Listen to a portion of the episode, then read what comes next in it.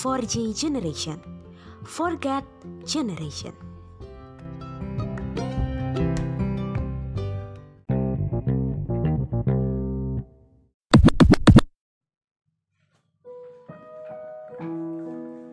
Shalom teman-teman, puji Tuhan sore hari ini kita boleh bertemu kembali untuk memuji dan memuliakan nama Tuhan melalui ibadah podcast.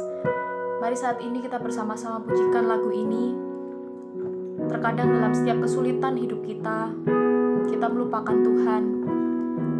Tapi yang perlu kita tahu, kasih Tuhan lebih luas dari samudra, tidak akan pernah habis dalam kehidupan kita. Setiap musim hidup kita, Tuhan tidak akan pernah meninggalkan kita.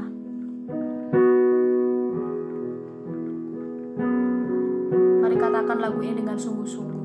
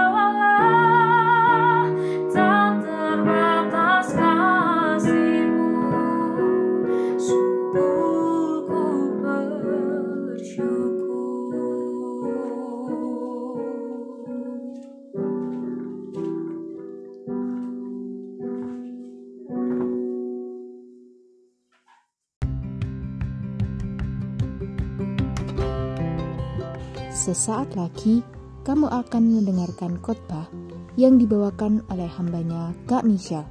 Selamat mendengarkan. Halo, shalom teman-teman semuanya. Mari sebelum kita mendengarkan firman Tuhan, kita bersatu di dalam doa. Mari kita berdoa. Tuhan Yesus yang baik, saat ini kami mau mendengarkan dan merenungkan sebagian dari firman-Mu. Kiranya Tuhan yang menolong kami, menuntun kami, agar kami boleh mengerti firman yang ingin Engkau sampaikan. Tuhan, kami menyerahkan ke dalam tangan-Mu, di dalam nama Tuhan Yesus kami berdoa. Amin.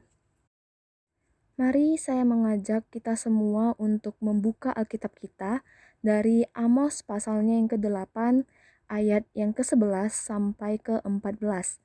Saya akan membacakannya bagi kita semua dan rekan-rekan dapat menyimak Alkitabnya masing-masing. Amos pasal 8 ayatnya yang ke-11 sampai ke-14. Demikian firman Tuhan.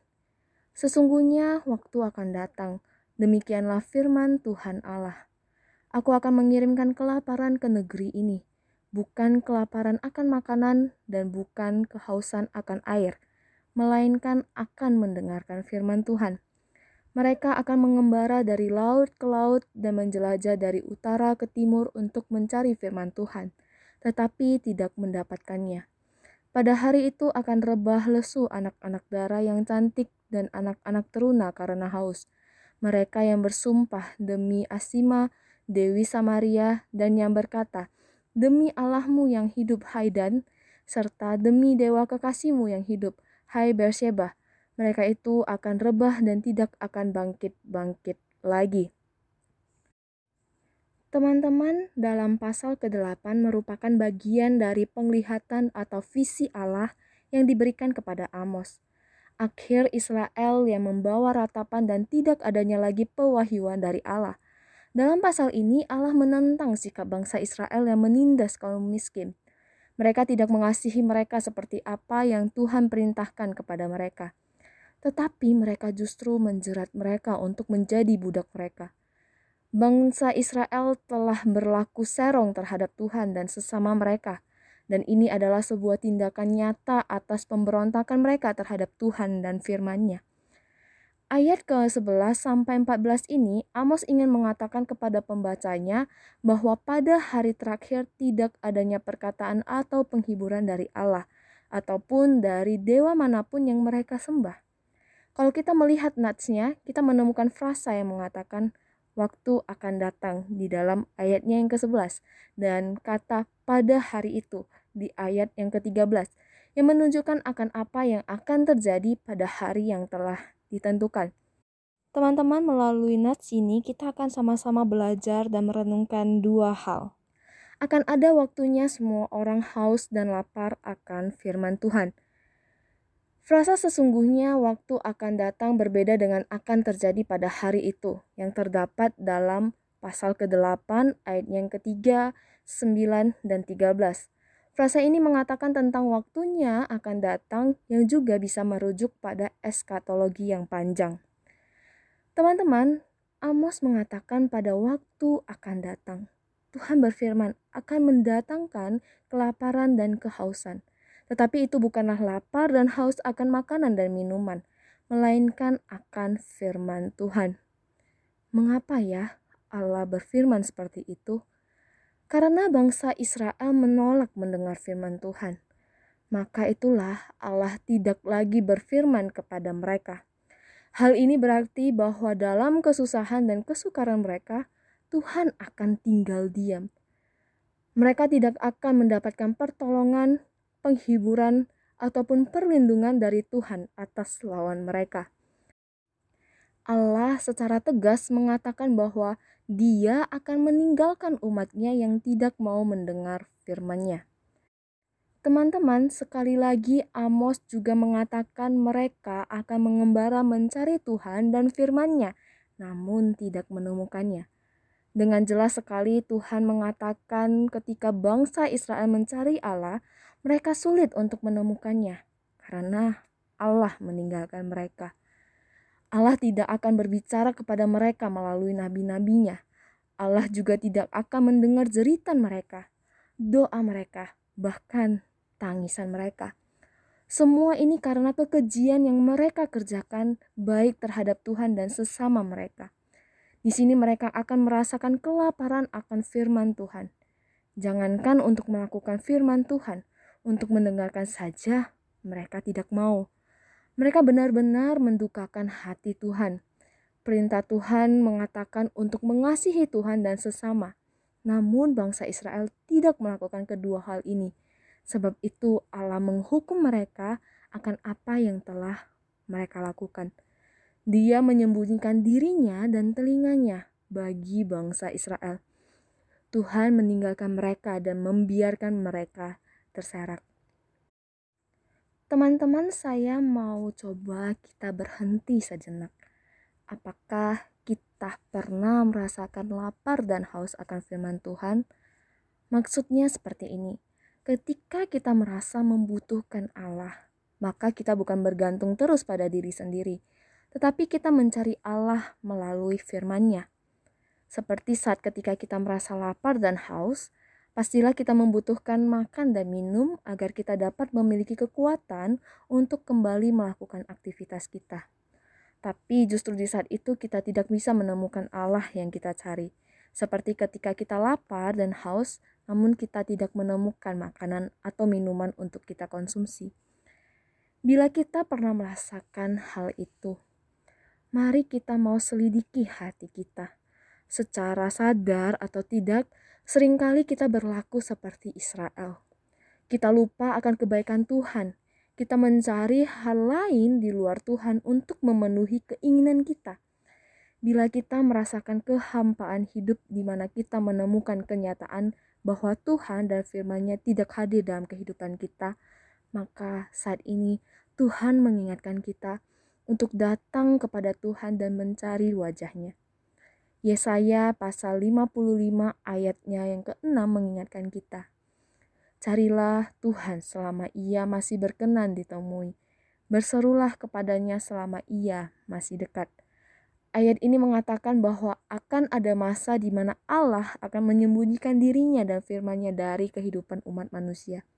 Sekali lagi, Tuhan mengingatkan kepada kita untuk mencari wajah Tuhan dengan penuh kerinduan dan sukacita, karena ini adalah saat di mana Tuhan mengundang kita untuk bersekutu dengan Dia. Mari kita mau membaca firman Tuhan. Mari kita mau bersekutu dengan saudara seiman kita di dalam firman Tuhan. Dan mari kita renungkan firman Tuhan dalam kehidupan kita setiap hari. Yang kedua, akibat dari ketidaktaatan pada firman Tuhan.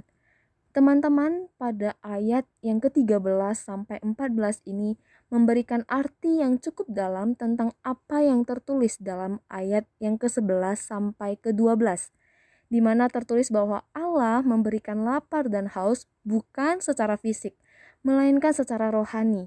Ayat ke-13 sampai 14 mengatakan pada hari itu akan rebah lesu anak-anak darah yang cantik dan anak-anak teruna karena haus. Mereka yang bersumpah demi Asima, Dewi Samaria dan yang berkata, Demi Allahmu yang hidup, Haidan, serta demi dewa kekasihmu yang hidup, hai Beersheba mereka itu akan rebah dan tidak akan bangkit-bangkit lagi. Teman-teman nampak bahwa kelaparan dan kehausan akan firman Tuhan ini sangatlah mengerikan dan parah. Ketika hal tersebut terjadi, maka mereka semua akan merasa tidak berdaya. Mereka akan mencari kekuatan di luar Tuhan untuk memenuhi keinginan mereka. Namun, mereka tidak menemukannya juga. Teman-teman, apa yang akan kita lakukan ketika hal tersebut terjadi dalam kehidupan kita? Apakah kita akan terus-terusan berdiam sampai mati, atau kita pergi mencari Allah?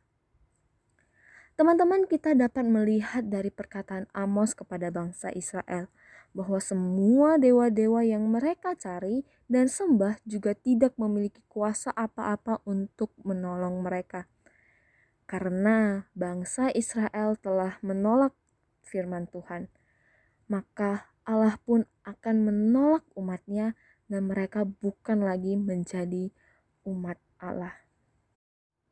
Sesungguhnya Allah telah memberikan kesempatan bagi mereka untuk bertobat. Tetapi apa yang mereka lakukan? Mereka tidaklah menggunakan kesempatan itu untuk bertobat, tetapi sebaliknya mereka mendukakan hati Tuhan dengan perbuatan mereka. Sekarang Allah menghukum mereka dan menunjukkan kepada mereka bahwa hanya Tuhanlah satu-satunya Allah yang berdaulat atas umatnya.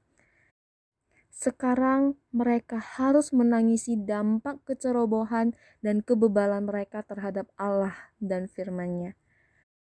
Teman-teman, kita melihat akibat yang terjadi ketika bangsa Israel menolak firman Allah.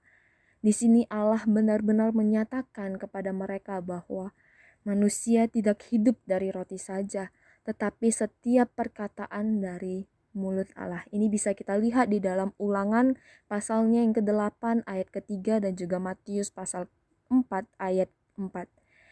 Maka Allah mendatangkan kelaparan dan kehausan karena Allah sangat serius mengenai ketaatan umatnya terhadap firman Tuhan. Kita sebagai anak Allah perlu memahami dan mengerti firman Tuhan itu. Dalam kitab ulangan pasalnya yang ke-28, ketaatan mereka terhadap firman Allah mempengaruhi kehidupan mereka. Ketika mereka taat dan hidup seturut firman Tuhan, maka berkatlah yang akan mereka nikmati. Sebaliknya, ketika mereka tidak mengindahkan firman Tuhan, maka kutuk demi kutuk yang akan mengeringkan tulang mereka. Pada hari di mana firman Tuhan diambil dari Israel, mereka akan seperti anak ayam yang kehilangan induknya di tengah badai. Saat ini Tuhan juga mengingatkan kepada kita bahwa dalam menjalani hidup sebagai anak-anak Allah, kita tidak hanya memerlukan pertolongan, kasih, dan berkat Tuhan saja. Namun, lebih daripada semua itu, kita memerlukan firman Tuhan yang menuntun dan menopang kehidupan kita apa yang menjadi pedoman dalam kehidupan kita, anak-anak muda, yang notabene-nya adalah anak-anak Allah? Apakah firman Tuhan itu masih menjadi pedoman untuk kita hidup, atau norma-norma dunia ini yang menjadi pedoman hidup kita? Teman-teman, selagi Tuhan masih memberikan waktu bagi kita untuk menikmati firman-Nya, mari kita pergunakan waktu ini sebaik-baiknya Mari kita membangun kehidupan kita di dalam firman Tuhan dan jadikan firman Tuhan itu pedoman dalam kehidupan kita untuk melangkah di dalam Tuhan. Biarlah firman Tuhan itu yang boleh menutrisi kehidupan kita, sehingga kehidupan kita boleh menjadi kehidupan yang berkenan di hadapan Tuhan. Mari kita senantiasa memiliki rasa haus dan lapar akan firman Tuhan dalam hidup kita. Teman-teman, saya juga pernah merasakan hati yang kosong. Pernah sekali saya tidak saat teduh selama hampir satu minggu. Karena ya hati saya yang kosong dan hampa. Saya tidak tahu apa yang terjadi. Saya berdoa dan memohon pada Tuhan untuk memberikan saya rasa haus dan lapar akan firman Tuhan itu. Karena jikalau saya tidak membaca atau merenungkan firman Tuhan, maka saya tidak dapat mengerti apa yang menjadi maksud Tuhan di dalam hidup saya. Singkat cerita, akhirnya Tuhan memberikan lagi saya untuk merasakan haus dan lapar akan firman Tuhan itu. Saya bersyukur bisa merasakan hal itu kembali, karena dengan demikian saya dapat terus taat dan setia akan firman Tuhan yang telah Allah berikan dan nyatakan bagi setiap umatnya. Teman-teman, bagaimana dengan kita? Apakah kita pernah merasakan hal demikian, terus haus dan lapar akan firman Tuhan? Teman-teman, saat ini saya mengajak kita semua untuk menundukkan kepala, datang kepada Tuhan, untuk memohon agar kita boleh terus diberikan rasa lapar dan haus akan firman Tuhan itu. Kita juga berdoa, kiranya kita dapat setia kepada firman-Nya. Kita tahu ketika kita tidak setia, maka akan ada penghukuman yang setimpal dengan apa yang kita perbuat. Sebab dalam Matius pasalnya yang ketujuh ayat ke-21 mengatakan, Tidak semua orang yang memanggil aku Tuhan, Tuhan akan menjadi anggota umat Allah, tetapi hanya orang-orang yang melakukan kehendak Bapakku yang di sorga. Mari kita berdoa. Tuhan Yesus yang baik, Terima kasih firmanmu hari ini kembali mengingatkan kami untuk selalu haus dan lapar mendengarkan firmanmu. Tuhan mungkin secara sadar atau tidak kami sering merupakan firmanmu. Tapi saat ini Tuhan kami memohon roh kudusmu yang selalu memberikan kami rasa dan rasa lapar dan haus itu akan mendengarkan firman Tuhan. Agar kami boleh tetap setia dan taat kepada firman-Mu agar kami boleh senantiasa tahu kehendak Tuhan di dalam kehidupan kami. Tolong setiap anak-anak muda ini ya Bapa, agar mereka boleh terus berserah dan bersandar kepadamu dengan mendengarkan dan merenungkan firman Tuhan. Terima kasih Tuhan untuk firman-Mu hari ini. Inilah doa kami Bapa, di dalam nama Tuhan Yesus kami berdoa. Amin.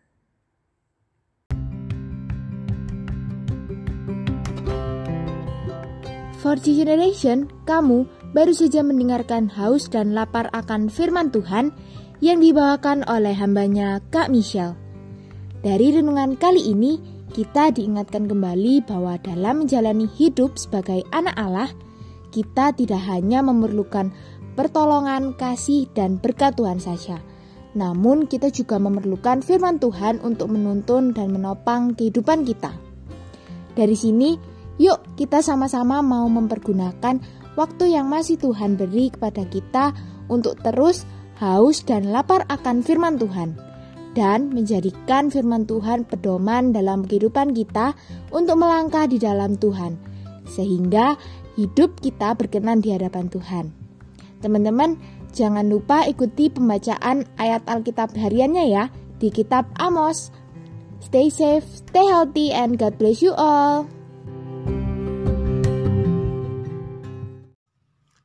For J generation.